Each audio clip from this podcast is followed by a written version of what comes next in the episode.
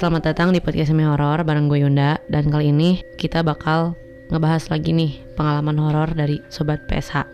Dan di samping gue udah ada dua sobat PSH yang langganan banget datang ke studio. Langsung aja ceritain pengalaman mistismu. Silakan. Kenalin, nama aku Tania. Aku bakal cerita lagi tentang pengalaman horor aku di sini. Awalnya tuh gini, kan aku dapat kerjaan ya di suatu desa gitu. Terus di situ aku nggak sendiri. Aku bertiga sama teman aku, yang satunya Teh Nena, yang satunya namanya Teh Asti. Nah di situ kita tuh nggak pulang pergi, jadi kita tuh ngekos. Pokoknya ngekosnya itu jalanannya jauh dari jalan raya pokoknya paling ujung nah di situ kosannya itu cuman ada tiga kamar tiga pintu ya. Yang kosong itu yang pintu kedua. Nah di situ uh, kosannya itu tiga petak ya. Jadi ruang tamu terus gang sedikit ada kamar petak kedua berarti ya. Terus yang petak ketiganya itu dapur sama kamar mandi. Nah di situ kita ke bagian kasurnya tuh yang kecil-kecil. Jadi yang paling pojok dekat kamar mandi aku, terus di tengah Teh Nena, terus di pinggir deket ruang tamu berarti Teh Asti. Hmm. Di situ kan kita beresin barang-barang dulu, terus yang rapi-rapiin kosannya dulu, terus kita ke sekolah dulu. Terus udah gitu pulang sore, langsung beres-beres mandi segala macam. Sampai jam 12 malam. Awalnya uh, orang tua kita tuh pesan. Jadi katanya setiap uh, abis maghrib itu kita baca surat yasin tiga kali sama ayat kursinya sembilan kali. Nah awalnya kita nggak mikir macam-macam tuh. Kita mikirnya oh iya sih gitu kan. Rumah baru mau ditempatin lagi kan, udah lama kosong. Di situ kita nggak mikir macam-macam terus kita habis maghrib kita baca-baca sampai jam 12 kita masih main HP terus teh Nena itu udah tidur jam 12 aku nggak tahu kenapa nggak bisa tidur sampai jam 2 kan kamarnya itu ada pintunya. Jadi pintunya itu nutupnya itu cuman setengah. Dari luar tuh kelihatannya teh ke kasur aku gitu kan.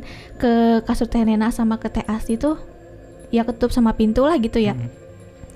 nah di situ teh aku teh ngerasa gitu kan. Kok aneh sih gitu kok kayak yang nggak biasanya gitu kan. Nyaman sih nyaman kosannya cuman kok ngerasa aneh. Terus aku ngeliat kok ada yang bolak balik aja ya gitu kan. Pertama mikirnya ah udah ah halusinasi itu mah. Terus udah gitu aku ngebelakangin kan ke Malik ke kanan. Tetap aja gitu kan dia masih bolak-balik. Kenapa sih? gitu kan.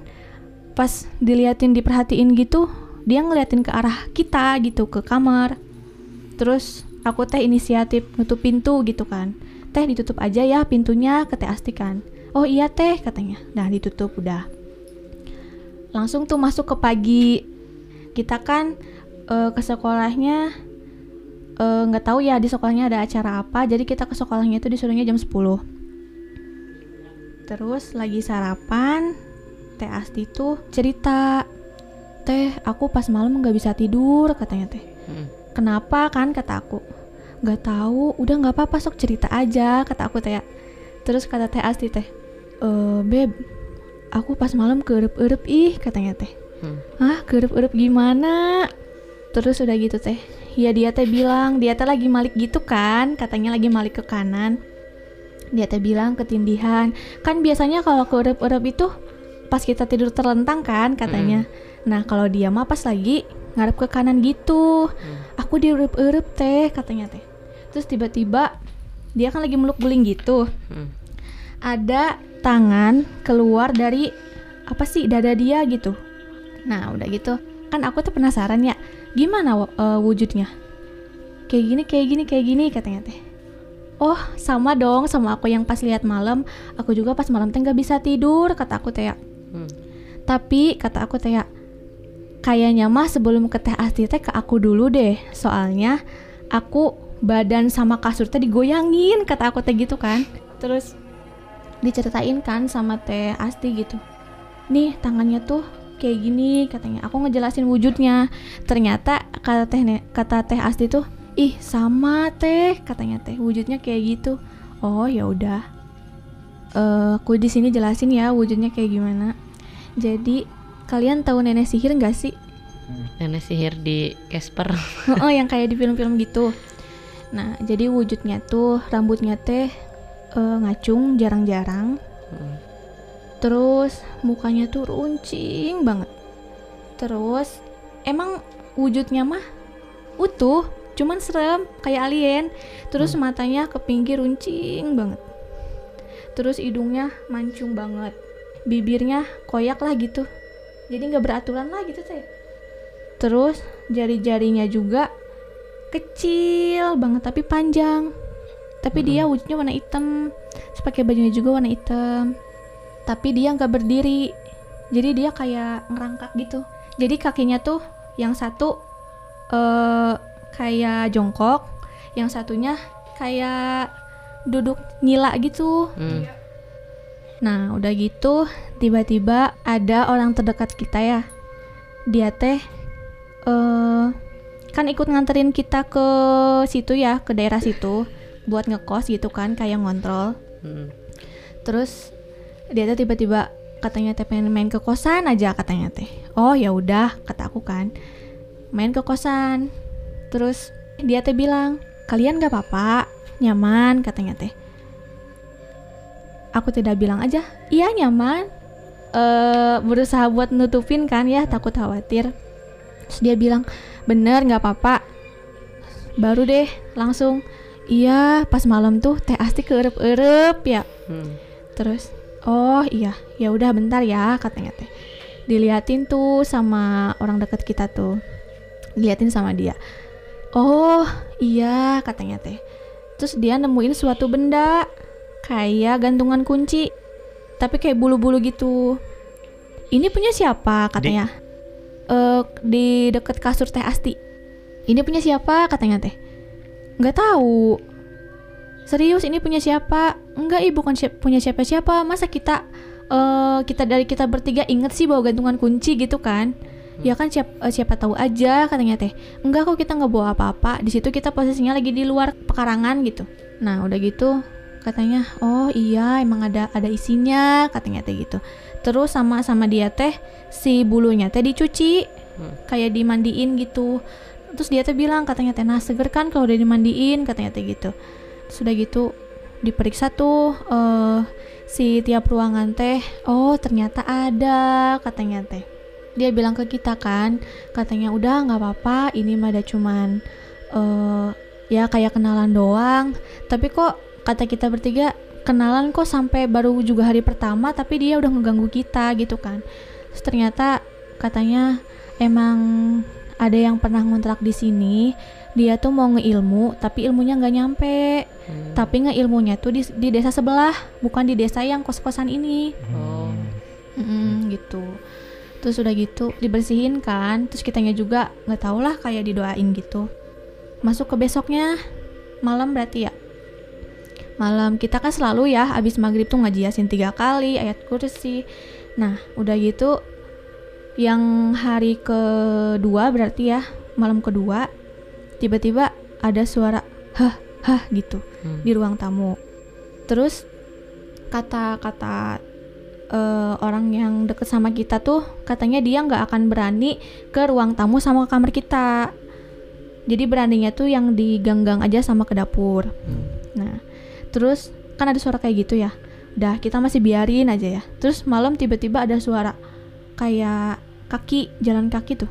Dek dek dek dek keras banget kenceng banget di depan kamar kita. Nah udah.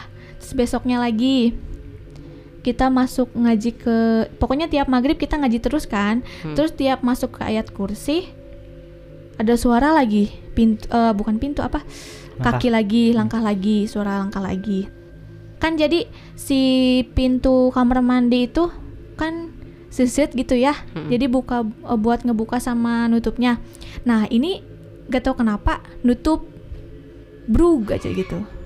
Terus besoknya lagi dia masuk ayat kursi dia kayak mainin ember. Pokoknya selama dua minggu tuh kayak gitu terus tiap masuk ekskurs itu masih ngeganggu terus.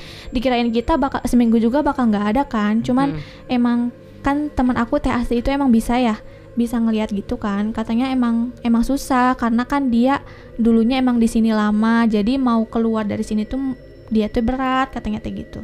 Sudah gitu pas yang terakhir mah jadi kayak ember. Terus gayungnya itu dimasukin ke ember jadi tek tek tek tek tek gitu. Nah udah gitu besoknya lagi suara suara keran. Terus besoknya lagi kita teh lagi di ruang tamu. Nggak tahu kenapa kita teh nggak ngaji nggak ngaji nggak sholat. Eh, kalau aku makan lagi halangan ya. Kalau teman-teman aku tuh mereka nggak nggak ngaji gitu kan. Kelewat lah ngajinya gitu. Terus tiba-tiba ada yang masuk ke kamar mandi tek tek tek gitu. Terus brug mandi dia teh. Terus kita mikirnya ih itu mah sebelah gitu kan. Itu mah kos kosan sebelah kayaknya yang nomor satu itu katanya teh gitu kan. Terus pas besoknya kan kita kenal kan samanya di kamar satu itu. Pak kemarin pas maghrib pulang ya? Mandi. Hah? Saya nggak pulang katanya teh. Saya di sekolah aja. Serius pak? Wah berarti itu lagi kan. Terus selama kita di sana kita kan masak nasi pakai magicom ya? Hmm. Kan biasanya. Jadi kita teh masak nasinya pagi. Jadi biar kalau kita pas pulang kerja teh kita teh bisa makan langsung makan gitu kan. Tapi ini anehnya nggak tahu kenapa si nasi itu teh basi. Jadi basinya teh bukan bukan kayak sehari gitu. Basinya teh kayak berhari-hari. Jadi si nasinya itu putih berbuih berbusa pokoknya. Baunya teh bau amis banget. Hmm. setiap hari kayak gitu terus. Kan kitanya tuh jadi stres ya. Kok tiap masak nasi kayak gitu terus. Jadi kayak gimana? Jadi kita teh ya udahlah nanti mah masak nasinya pas mau makan sekali habis gitu kan. Udah kayak gitu. Terus udah gitu teh eh aku sama teh Asti ya tiap mandi tiap mandi di kamar mandi nggak tahu kenapa emang selalu ada yang merhatiin. Kan eh si kamar mandinya teh kan ada ember satu sama yang kecil aku kalau mandi di ember yang kecil itu kan soalnya yang ember gede itu nggak berani. Soalnya waktu itu pernah ngeliat pas pertama kali ada kaca gitu kecil ya dari luar dikirain aku teh itu teh pohon. Ternyata pas siang teh ih nggak ada nggak ada pohon nggak ada apa. Oh berarti pas waktu kemarin aku mandi ada yang merhatiin teh bener gitu kan. Ya udahlah udah biasa lagi. Terus eh teh Asti juga sama katanya kayak gitu. Kalau misalnya tiap mandi selalu aja ada yang merhatiin. Terus kan pas eh, teman deket kita ke kosan juga emang dia teh bilangnya kan di kamarnya karena udah ditempatin sama kita jadi dia dia diamnya di kamar mandi sama di dapur. Gitu. Terus kan waktu itu teh eh, kan aku lagi halangan ya Hmm. pas hari ke berapa belas gitu ya. Belum dua minggu. Nah kan biasanya kalau PMS gitu kan emang suka sakit gitu ya. Udah minum obat tuh udah sembuh. Tapi nggak tahu kenapa udah minum obat makan udah teratur istirahat juga udah cukup. Tapi tetap aja badan tuh panas. Masih masih masih sakit lah masih kerasa sakit. Terus anehnya kadang kalau misalkan tiap ke tempat kerja kita ke tempat kerja kita kita teh selalu pusing. Terus waktu itu teh pernah ada acara Maulid Nabi di tempat kerja kita nah kan yang lain mah lagi sholawatan gitu ya. Aku sama teh Asti mah pusing mual gitu. Nggak tahu kenapa. Terus kalau teh Asti mah sampai muntah. Bener-bener sampai muntah itu mah. Kalau aku mah cuma pusing doang. Tapi pas nyampe kosan udah biasa lagi. Tapi kalau misalkan tiap ke malam tiap dari jam 12 nah baru kerasa aku sama teh Asti teh kalau yang satunya mah mungkin nggak nggak dia mah nggak nggak nggak selalu ngerasain apa yang kita rasain gini. Jadi dia mah masih ih di kamar mandi lama juga dia mah masih santai. Kalau aku sama teh Asti mah kalau di kamar mandi teh kayak yang buru-buru gitu teh gening Terus sampai sekarang gimana? kalau sampai sekarang sih sebenarnya nggak tahu bawa nggak tahu gimana. Kalau misalkan di rumah emang suka masih kerasa sih sebenarnya masih kayak yang ih kenapa sih kok selalu aja ada yang ngajak nggak tidur? gitu kan. Tiap jam setengah 12 sampai jam setengah satu. Pokoknya jam di jam-jam itu teh pasti aku teh nggak bisa tidur. Padahal udah ngantuk banget gitu teh. Tapi pasti aja ada yang udah tuh jangan tidur kayak yang udahlah melek aja gitu teh. Tapi masih kerja di situ. Enggak, udah udah langsung keluar. Cuman dua minggu. Pertama karena kejadian itu karena kan eh, gimana ya? Menurut aku sama teman-teman aku emang ngerasa kok kayak gini banget sih gitu kan. Baru hari pertama kita udah digangguin banget gitu. Apalagi aku pas kagetnya bener-bener ngeliat dia nampakin terus dia ngeliat gitu kan Hmm. ke aku jadi kayak nggak suka dianya gitu kan terus yang waktu itu datang ke kosan itu yang teman deket aku dia bilang katanya emang di situ ada persaingan kosan. Hmm. jadi biar kitanya nggak betah di situ. Jadi pokoknya mah tiap mau ke dapur atau ke kamar mandi kita tuh nggak berani sendiri sekarang. Tapi kalau misalkan kadang ada yang ditinggalin di kamar kadang gimana ya ngerasa ih kok sepi banget gitu kan. Padahal emang deket. Jadi mau nggak mau kita kalau misalkan ada yang ke kamar mandi kita ikut semua bertiga gitu. Soalnya kalau misalkan ada yang ditinggalin sendiri nih ya pasti ngerasa hening bener-bener hening banget. Padahal dia mereka kan ada di kamar mandi ya. Hah. tapi ini mah ngerasa ih ngerasa jauh banget. Itu sih yang aku rasain pernah ditinggalin sendiri di kamar. Terus akunya jadi nyusul mereka ke kamar mandi gitu. Terus eh, kita teh kan pas udah tahu udah semingguan lah di situ ya. Dikasih tahu sama yang kamar yang nomor satu katanya. Dia nanya ke kita itu kalian nasinya bau nggak? katanya teh gitu. Iya pak bau. Loh sama saya juga waktu pas di sini tuh kayak gitu katanya. Terus eh dia tuh nanya lagi terus kalau tiap malam ada suara kaki nggak? katanya. Iya pak iya. Kita, kan kita jadi iya pak bener ada suara kaki gitu kan. Oh iya berarti bener. Kan itu kan eh, kayak suami istri gitu kan. Hmm. katanya istri saya juga katanya eh tiap malam di situ teh kayak gitu. Katanya teh ada suara kaki lah terus nasi selalu basi. Oh gitu ya pak. Iya pantesan kita kan ngomong ya pantesan kok kita dari awal nggak ngeh juga ya? Kok nomor dua yang malah dikosongin gitu kan. Padahal kan di situ teh yang diisi teh padahal mah ngurut lah gitu kan. Terus yang nomor tiga itu kan di ujung banget deket sawah gitu. Kok dia nggak di nomor dua? Ternyata emang katanya yang kata yang nomor tiga ya neng saya nggak berani di yang di, di yang dua ini katanya. Emang kayak gitu. Kalian mah kok berani sih? Katanya gitu. Enggak ada bu. Kita bohong aja kan. Enggak ada bu. Enggak ada apa-apa. Oh gitu ya neng katanya. Iya katanya terus tadi kan aku ketemu ya sama anak eh, yang di desa itunya. Dia nanya oh teteh pernah kerja di situ ya? Ngekos di situ juga? Iya tapi kos kosannya paling ujung kata aku teh. Oh teteh oh yang mana sih teh? Itu yang deket madrasah kan aku bilang gitu. Ih teteh di situ mah kan horor. Kok berani sih?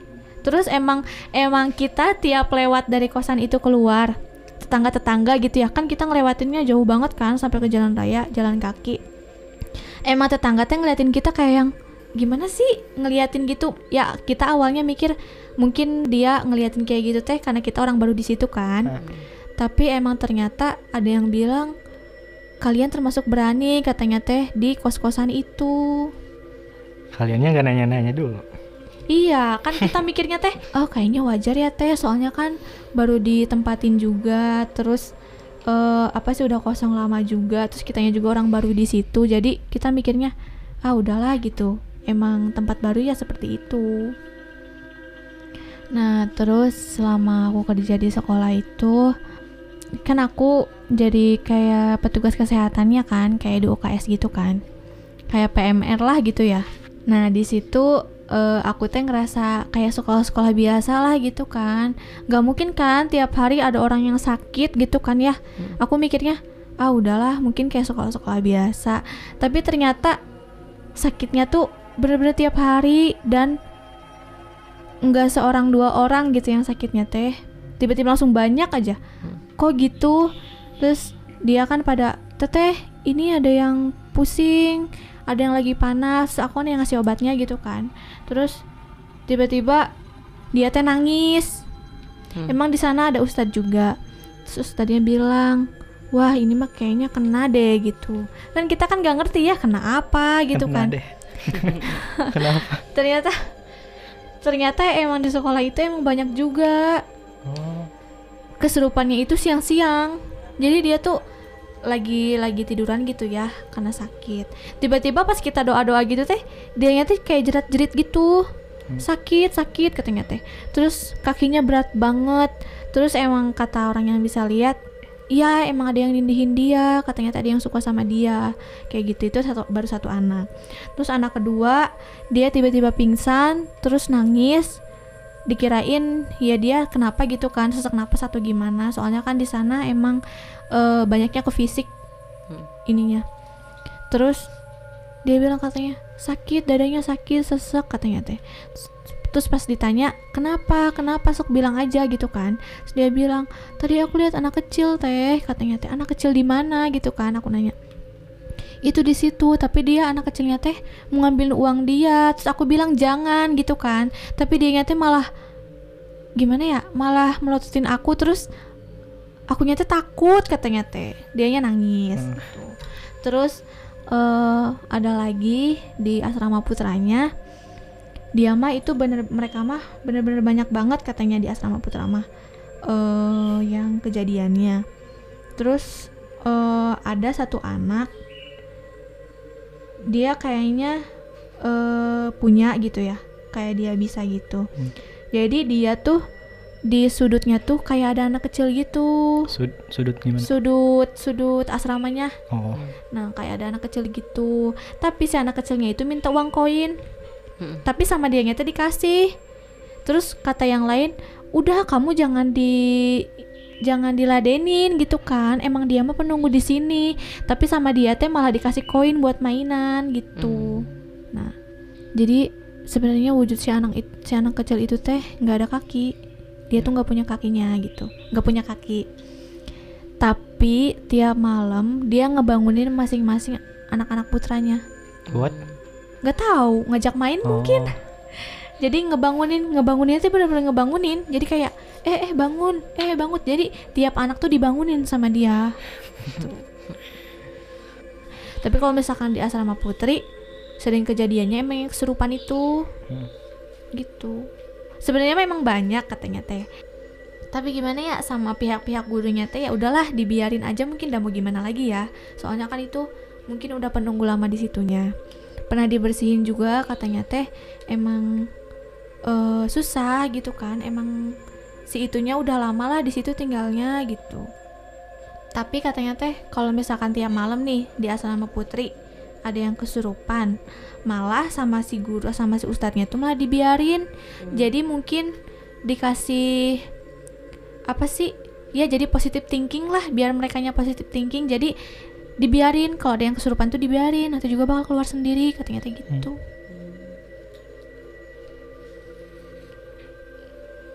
kalau dibilang takut sih emang takut banget pas pertama ke situ teh gitu pas tahu kejadian itu.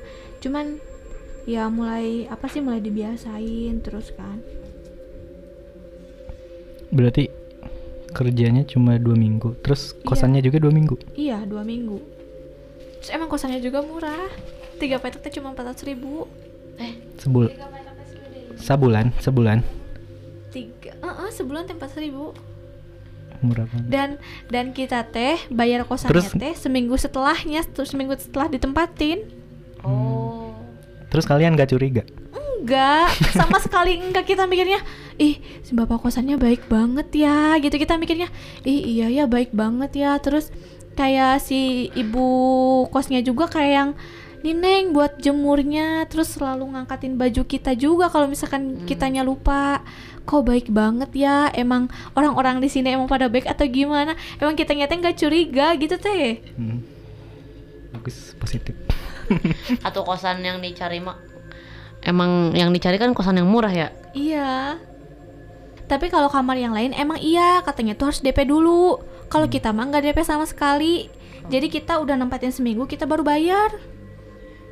Terus kan tadi yang bener-bener ngerasain tuh yang dua orang doang. Mm-mm, Yang iya. satu orang emang hari-hari wae gitu biasa. Ih biasa aja santai dia mah gitu mau dia kalau misalkan mandi kan kalau aku mandi sore itu paling pertama ya. Pokoknya pokoknya aku mah diingetin lah sama teman aku ya sama si Sri gitu. Kalau misalkan mandi pokoknya jangan jangan sesudah asar. Kalau bisa udah sebelum asar aja gitu kan.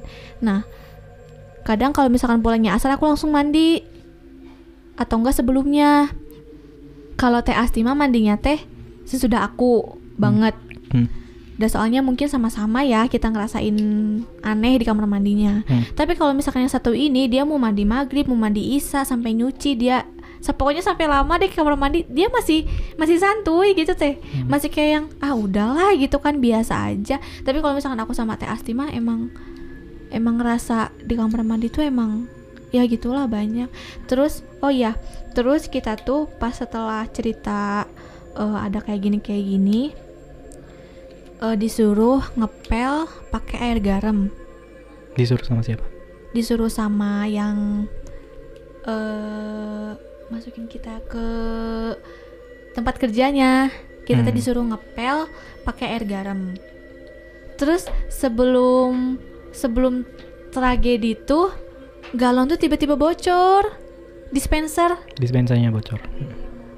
yang sebelum tragedi yang diadep-adep itu Hmm. Berarti Iya. pas awal banget. Iya pas awal banget. Iya itu lupa. Nah tiba-tiba dispenser tuh bocor.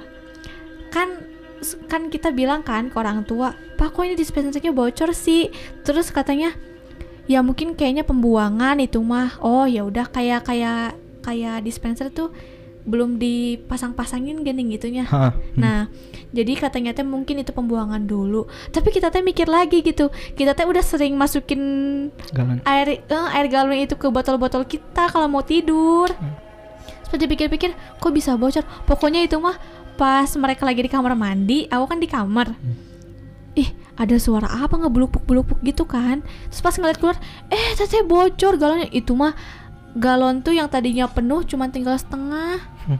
Ya nggak tahu sih Allah alam sih ya. Cuman kata, cuman kata orang tua, padahal ini udah dipasang loh, kok tiba-tiba bocor katanya teh ya ya udahlah udah pikir positif aja katanya tuh tapi ya emang kayaknya emang buat ngejalin kai- kalian katanya teh gitu Hmm. oh ya udah gitu udah gitu udah udah dipel sama air garam kita disuruh eh nusukin kayak apa sih? Kayak sate sate bawang putih cabe sama daun kelor. Di tiap pintu di tiap pintu jadi pintu depan pintu kamar pintu kamar mandi sama pintu belakang. Nah kita ikutin aja ya. Sampai si daun kelor itu kering-kering banget tapi tetap aja gitu teh. Masih yang ngeganggu mom Hmm. masih. Cuman emang dia nggak berani ke kamar kita katanya gitu terus udah gitu yang anehnya lagi selalu banyak semut. Di mananya? di kosan kitanya. Jadi semua rumah tuh banyak semut. Tiap pinggir-pinggir ininya tuh semut semua. Hmm. udah dikasih apa sih kapur ajaib juga semutnya teh masih tetap dateng. Udah gitu teh kan ada orang tua teh Asti ya datang ke kosan. Dia teh kayak nyimpen garam garam batu di tiap pojok nah kalau misalkan semenjak eh yang nyimpen apa sih garam di tiap pojok emang kita ngerasanya ya sedikit aman lah gitu kan. Kamar mandi juga udah lumayan enak tapi sehari sebelum kita pulang itu teh. Jadi selama dua minggu ya masih aja yang kayak jalan itu terus nasi terus kayak orang mandi di kamar mandi tetap aja itu mas selama dua minggu. Tapi sehari sebelum pas yang udah dikasih eh, apa sih garam di tiap eh, sudut itu udah nggak kerasa lagi gitu Itu udah resign pas itu. udah eh iya pokoknya pas hari Kamis teh kita teh udah udah udah udah pamitan ke guru-guru teh Hmm. jadi kita Jumat Sabtu minggunya di kosan gitu full di kosan main Terus temen yang tadi nggak ngerasa apa-apa, nggak cerita apa pun. enggak dia nggak cerita apa pun. Katanya emang dia nggak ngerasa apa pun. Hmm. kan kita bilang kan teh kerasa nggak sih? Apaan? Kerasa apa? Pokoknya setelah seminggu seminggu lebih kita teh bilang ke dia kan ada gini gini gini nggak? Ih teh nggak ada. Ih teh nggak ada. Katanya teh aku mau nggak ngerasa apa-apa. Katanya gitu. Kalau teh Asti ya karena mungkin dia bisa lihat juga ya. Emang dia katanya ya sering ngeliat di kosan juga emang masih ada. Cuman emang udah udah lumayan apa ya udah lumayan ke kitanya tuh udah mungkin karena udah gimana sih udah oh, udah udah udah sama-sama nyaman lah kita Hmm. tinggal di beda dunia tapi di satu tempat gitu. Mm-mm, udah kenalan. Tapi kalau misalkan aku pribadi sih malah makin gak betah Hmm. malah sakit. Terus udah gitu kan teman-teman kayak Sri terus Pani eh Febri gitu kan pada pada ngevicek kan sama Ripa. Mereka terus Sri bilang katanya Tan kok mata kamu hitam banget sih? Katanya gitu. Ih enggak ini udah pakai maskara kayaknya. Tapi enggak beda banget katanya gitu ya. Hitam katanya teh. Itu teh dua hari sebelum pulang kayak gitu. Tapi yang ngerasain sakit kan aku sakit nih ya panas. Setelah itu setelah aku mau pulang sakitnya tuh pindah ke mereka berdua. Hmm. ke teh Asti sama ke teh Nena itu. Kalau teh Asti mah dia ngerasa sama kayak aku panas mual ih mah aku kayaknya kambuh. Tapi dia panas sakit. Kalau yang satunya mah dia enggak aku mah cuma kecapean aja katanya teh pusing. Oh ya udah. Eh, udah mungkin segitu aja ya sekian cerita dari aku Terus pesan dari Tania. Kalau pesan dari aku sih ya, ya kan kita nggak tahu ya di sana bakal gimana gimana. Jadi eh, seenggaknya kita tanya-tanya dulu kosannya tuh kayak gimana. Terus dari warga sekitar tuh kesan kosan itu tuh kayak gimana, baik apa enggak. Terus ya pokoknya lebih hati-hati aja gitu ya. Terus eh, kita tuh jangan sampai lengah gitu kayak yang ah udah biasa aja. Berpikir positif sih boleh ya tapi ya kita seenggaknya ya pokoknya kita tanya-tanya dulu lah gitu apa kosan itu bener-bener sesuai dengan kita atau gimana. Jadi pokoknya kalian harus cari tahu dulu deh si kosan atau tempat tinggal yang bakal kita tempati nanti tuh kayak gimana eh desas-desisnya dari tetangga gitu. Intinya mah jangan tergiur sama kosan yang murah. Bisa jadi dari harga itu teh dari di bawah harga pasaran teh ada sesuatu yang emang nggak diharap diharapin sama kita kita ya Nah, buat sobat PSH yang pengen berbagi cerita, boleh langsung aja eh, klik link di bio Instagram kami @podcastsemi-horror. Terus di Twitter juga ada, boleh klik aja di bionya @pod underscore semi horror. Jangan lupa follow juga podcast semi horror di Spotify.